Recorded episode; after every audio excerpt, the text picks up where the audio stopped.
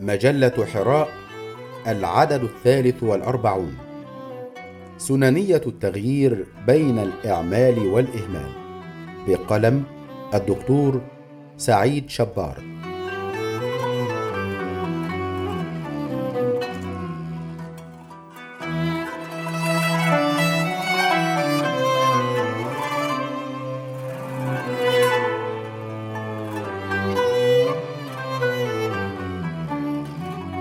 للوقوف على المعاني والدلالات الشرعية التي جاء بها الوحي الخاتم المتمم والمكمل لما تقدمه من الوحي المصدق والمهيمن والمحفوظ بحفظ الله له وهذه كلها من خصائصه ومحدداته المنهاجية والمعرفية يجدر بنا الوقوف دائما على المعاني والدلالات اللغوية التي كانت تحملها الألفاظ من قبل. فقد نزل القرآن الكريم بلسان عربي مبين. هو اللسان الذي كانت العرب تعرفه حق المعرفة وبه وعليهم بنى كيانها الاجتماعي والتواصلي والأدبي. ونحن بين يدي مفهوم التغيير أحد المفاهيم الأساسية المركزية والمحورية في الاعتبار الشرعي يجدر بنا كذلك الانتباه إلى التغيير الذي أحدثه القرآن الكريم وأحدثته السنة النبوية على مباني ومعاني الألفاظ التي كانت متداولة والذي كان مدخلا من أهم مداخل تغيير الوعي والفكر والأنفس والقيم والمجتمع.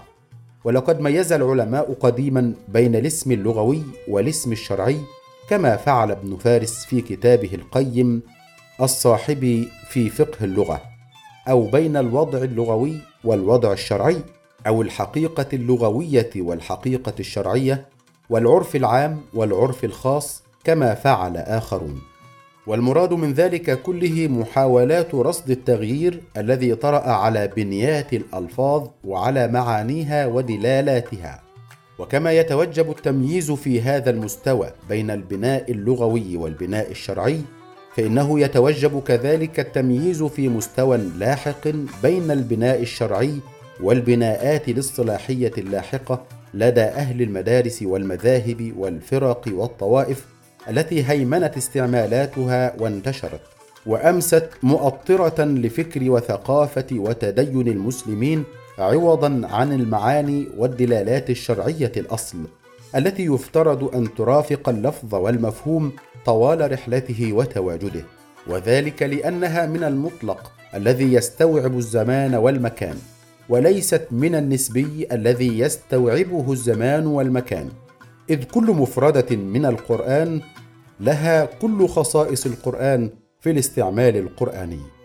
من هذا المنظور على وجازة القول فيه سنحاول أن نقتبس بعضا من دلالات ومعاني مفهوم التغيير من القرآن الكريم ومن السنة النبوية الشريفة أي من الأصلين المصدرين المؤسسين للمعرفة وليس من الأصول أو المصادر التي أسستها المعرفة في التداول التاريخي. هذا مع مراعاة البناء المنهجي السنني والتكاملي وفق المحددات والخصائص المفهومية في القرآن كما ألمحنا إليها سلفا.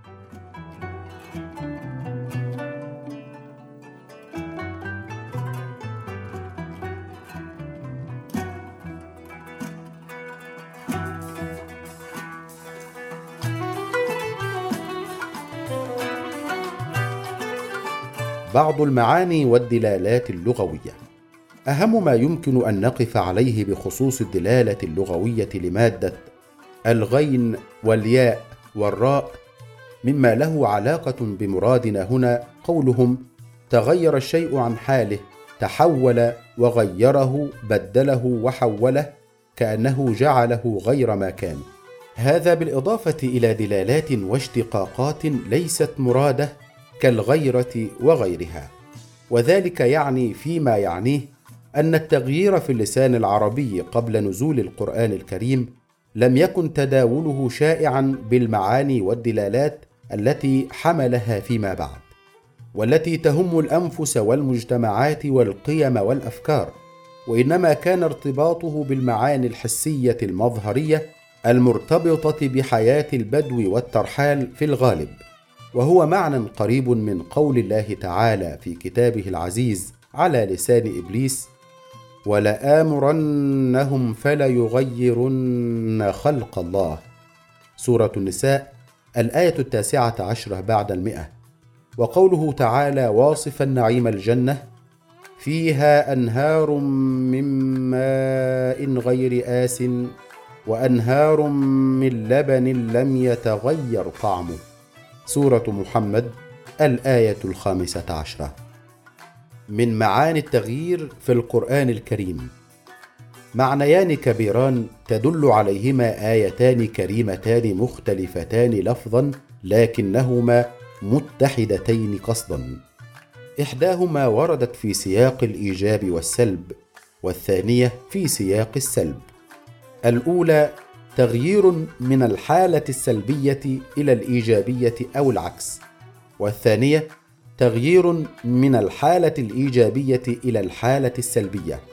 ومدخل التغيير في الحالتين معا النفس. وغاية التغيير ومقصده الصلاح والاستقامة على أمر الله ونهيه.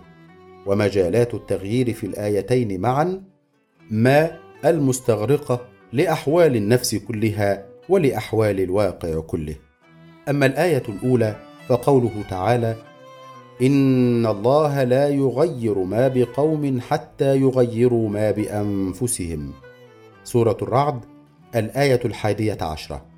والآية نص في أن هنالك تغييران. أحدهما من الله سبحانه وتعالى والثاني من الناس. والعلاقة بينهما سننية سببية متلازمة. هي كترتيب النتيجة على مقدماتها. فحسب سنن الله الجارية في المخلوقات الناظمة والضابطة لأحوالها لا بد من الأخذ بالأسباب. وإذا كان ذلك جار وجائز على الأنبياء أنفسهم الذين اصطفاهم الله لرسالاته فهو في من دونهم أوجب وآكل ضرورة. فتغيير الإنسان جزئي مدخله النفس وهو سبب وتغيير الله كوني شامل مستوعب لأحوال الإنسان النفسية والمادية المحيطة به وهو نتيجة. وهذه المطابقة هي ما نص عليه العلماء من تلازم سنن الله تعالى الدينية الشرعية وسننه الكونية القدرية حيث رتبت إحداهما على الأخرى ترتيبا سننيا منهجيا محكما كما قال تعالى ولو أن أهل القرى آمنوا واتقوا لفتحنا عليهم بركات من السماء والأرض ولكن كذبوا فأخذناهم بما كانوا يكسبون. سورة الأعراف الآية السادسة والتسعون. وقوله وأن لو استقاموا على الطريقة لأسقيناهم ماء غدقا لنفتنهم فيه ومن يعرض عن ذكر ربه يسلكه عذابا صعدا. سورة الجن الآيتان السادسة عشرة والسابعة عشرة.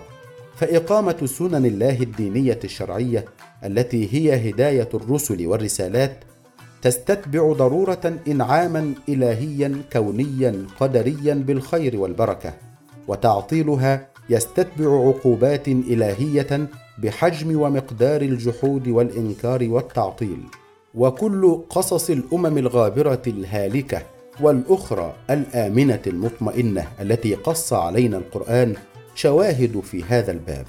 فلا بد من مراعاة هذا الضابط السنني اولا. أغلب المفسرين للآية المتقدمة على قول إن الله لا يغير ما بقوم من النعمة والعافية حتى يغيروا ما بأنفسهم من طاعة الله جل وعلا. وهو ما يمكن عكسه أيضا أي أنه سبحانه لا يغير ما بقوم من النقمة والخذلان حتى يغيروا ما بأنفسهم من الغواية والعصيان.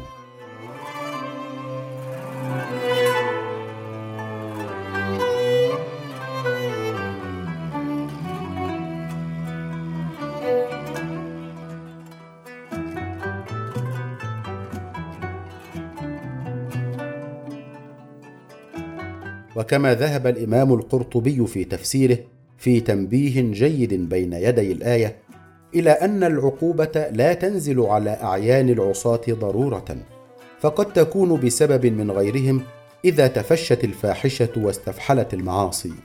ولقد سئل النبي صلى الله عليه وسلم أنهلك وفينا الصالحون؟ قال نعم إذا كثر الخبث. رواه مسلم. وذلك ما يوسع أيضا من دائرة المسؤولية على النفس وعلى الغير وينسجم مع مفهوم الشهادة على الناس والدعوة إلى الخير والأمر بالمعروف والنهي عن المنكر والأخذ على أيدي الجاهلين كما ورد في حديث السفينة لما قال الذين في أسفلها لو أنا خرقنا في نصيبنا خرقا ولم نؤذ من فوقنا فكان التحذير والتنبيه. فإن يتركوهم وما أرادوا هلكوا جميعا وإن أخذوا على أيديهم نجوا ونجوا جميعا. رواه البخاري. فتلازم تغيير ما بالنفس مع التشديد والتأكيد على شمول واستغراق ما لكل أحوال النفس الإيمانية والفكرية والقولية والفعلية والخلقية والسلوكية مع ما بالقوم مع التشديد والتأكيد نفسه على شمول واستغراق ما لكل أحوال القوم الذين جاءوا في سياق النكرة. وذلك كما قيل إفادة للتعميم أي لكل ما يحيط بهم في حياتهم المادية الدنيوية من التكريم في الذات إلى تسخير المخلوقات والكائنات وصلاحهم في حالهم هو نفسه فلاحهم في مآلهم. ذلك التلازم يجعل من صلاح النفس علة تدور مع حكمها الذي هو التغيير وجودا وعدما كما يقول الأصوليون.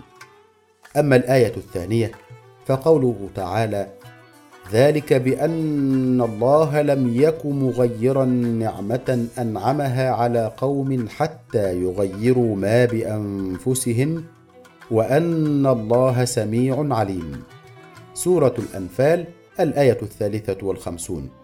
وهي مثل الأولى في سننيتها ودلالتها وقصدها وإن نصت على النعمة تحديدا. إذ كل فضل الله على عباده نعم أنعم وينعم بها عليهم. وكما أن الوضع السيء ينقلب إلى حسن بإعمال سنن التغيير فإن الوضع الحسن يمكنه أن ينقلب إلى سيء. والنعمة يمكنها أن تزول بإهمال سنن التغيير والانقلاب على قيم الخير والصلاح.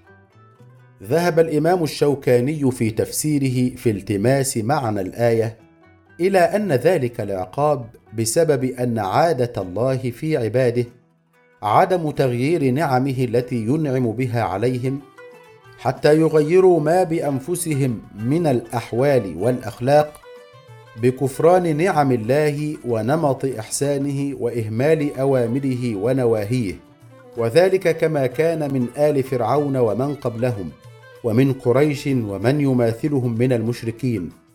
فإن الله فتح لهم أبواب الخيرات في الدنيا ومن عليهم بإرسال وإنزال الكتب فقابلوا هذه النعم بالكفر. فاستحقوا تغيير النعم كما غيروا ما كان يجب عليهم سلوكه والعمل به من شكرها وقبولها. ومثل هذا في القرآن وردت فيه آيات كثيرة كما في قوله تعالى وما أصابكم من مصيبة فبما كسبت أيديكم ويعفو عن كثير. سورة الشورى الآية الثلاثون. ولا يرد بأسنا عن القوم المجرمين. سورة يوسف الآية العاشرة بعد المئة. وإذا أراد الله بقوم سوءا فلا مرد له وما لهم من دونه من وال. سورة الرعد الآية الحادية عشرة.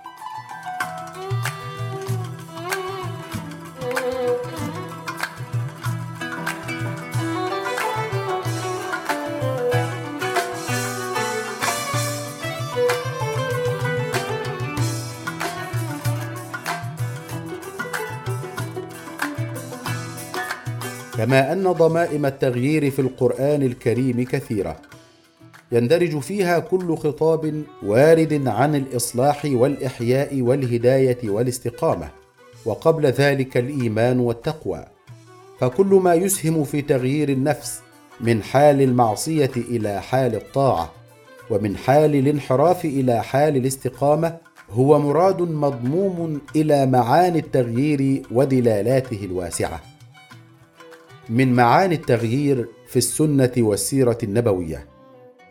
اجمالا السيرة النبوية من أولها إلى آخرها أي منذ بعثة الرسول صلى الله عليه وسلم إلى وفاته كلها حركة ومدرسة في التغيير بأحداثها الكبرى العامة وبأحداثها الصغرى التفصيلية من تقويم الأنفس وهدايتها إلى بناء الجماعة ولحمتها مما يتوجب استكشاف المزيد من دلالاته وعبره ودروسه.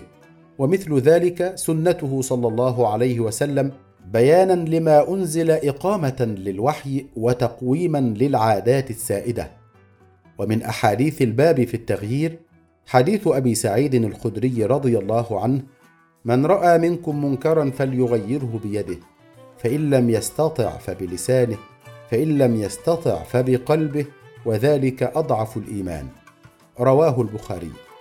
وكما هو واضح في الحديث هنالك مراتب في التغيير ومسؤوليات واختصاصات معتبرة كي يتحقق التغيير بمقصده ويثمر الثمار المرجو منه.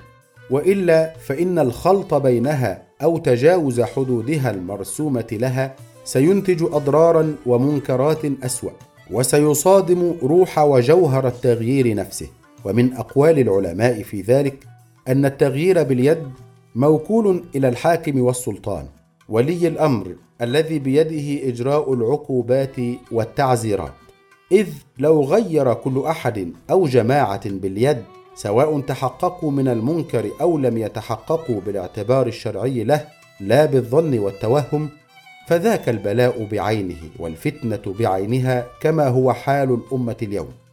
ولقد اشترط بعض العلماء شروطا في هذا المنكر منها أن يكون محرما مجمعا عليه لا مكروها أو مختلفا فيه أن يكون ظاهرا مرئيا لا باطنا أو مستورا أن يكون مقدورا على تغييره من جهة الاختصاص خشية الوقوع في منكر أكبر منه أن يكون برفق وحكمة ولين وتدرج.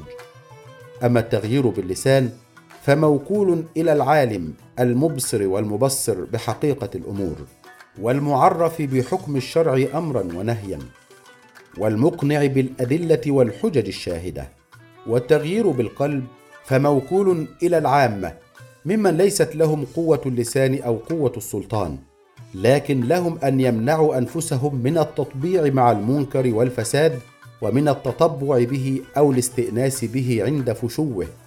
فحالة الإنكار هنا تعني جاهزية النفس الدائمة لرفض المنكر والاتجاه إلى المعروف. وهذه المراتب والاختصاصات ليست تفاضلية وإنما تكاملية فكلها مطلوبة في الآن نفسه. يشتغل بعضها إزاء بعض لتثمر حركة إيجابية في واقع الأمة. وهدي القرآن في التغيير والمنهج النبوي فيه كذلك قائم على الحكمة وعلى الموعظة الحسنة وعلى الجدال بالتي هي أحسن وعلى لين الجانب وما إلى ذلك مما تميل وتنجذب إليه الأنفس وتتهيأ للسماع والإقتناع.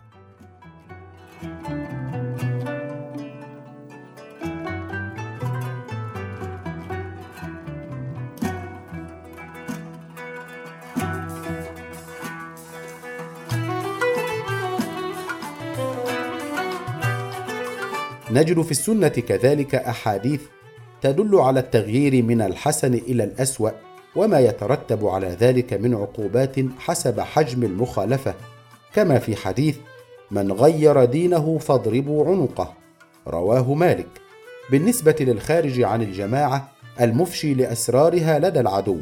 يتعلق الأمر بالخيانة العظمى كما في اصطلاحنا المعاصر باعتبار الردة ردة سياسية أكثر منها فكرية كما تدل على ذلك روايات أخرى للحديث كحديث لا يحل دم امرئ يشهد أن لا إله إلا الله وأني رسول الله إلا بإحدى ثلاث الثيب الزاني والنفس بالنفس والتارك لدينه المفارق للجماعة. رواه مسلم. وحديث إنها ستكون هنات وهنات. فمن أراد أن يفرق أمر هذه الأمة وهي جميع فاضربوه بالسيف كائنا من كان. رواه مسلم. وهناك حديث الحوض عندما يحال بين النبي صلى الله عليه وسلم وبين أقوام من أمته عليه فيقول إنهم مني. فيقال إنك لا تدري ما أحدثوا بعدك. فيقول سحقا سحقا لمن غير بعدي. رواه البخاري. واقع التغيير في الأمة. قامت في الأمة منذ وقت مبكر حركات تغييرية إصلاحية كثيرة. بعضها أفلح إلى حدود معينة وبعضها أخفق ولم يفلح وبعضها أفسد ولم يصلح وألحق بكيان الأمة انقساما وتجزئة زادا من وهنها وضعفها. ومرد ذلك كله في تقديرنا إلى أخطاء هذه الحركات منهج التغيير السنني الذي دلت عليه الآيات والأحاديث سالفة الذكر. فالتغيير ليس دعوة أو خطابا حماسيا كما يعتقد الكثيرون بل هو عمل تتركب فيه عناصر وأجزاء تركيبا دقيقا. إذا ما أحسن أعطى أكله وثماره وإذا ما أسيء لم يعط شيئا وكان هدرا للجهد والوقت. فإذا كان التغيير السنني يدور وجودا وعدما مع صلاح النفس عقلا وقلبا فكرا ووعيا فإن التغيير اللا سنني يتعلق بظواهر الأشياء قبل بواطنها وبعالم الأشياء قبل عالم الأفكار. وإذا كان التغيير السنني يراعي مراتب الأصول والفروع يقيم الأولى قبل الثانية ويجعل الثانية تبعا لها ويحدد اختصاصات التغيير ومجالاته وأصوله ورجالاته فإن التغيير اللا سنني يخلط بين ذلك كله فيقدم الفروع على أصولها ويجعلها حاكمة عليها ويتصدى له من ليس له بأهل. وإذا كان التغيير السنني يؤمن بالمرحلية والتدرج وأسلوب معين في الخطاب والتواصل فإن التغيير اللاسنني ينزع إلى الطفرة والتسرع والاستعجال بأسلوب فيه من القطعية والغلظة والجفاء أكثر مما فيه من التواصل والرفق واللين. وإذا كان التغيير السنني ينحو إلى إحلال الأمن والإيمان حيث يمكن للعمران ومن ثم فهو أجنح إلى السلم منه إلى الفوضى فإن التغيير اللاسنني أجنح إلى الصدام والنزاع حيث لا أمن ولا إيمان وبالتالي لا عمران. وأخيرا وليس اخرا فالتغيير السنني وعي وعلم وليس ظنا. له أصوله ونظامه ومفاهيمه ومناهجه وقيمه وأخلاقه منطلقة العلم والمعرفة. والتغيير اللاسنني إخلال بموجبات ومقتضيات ذلك كله.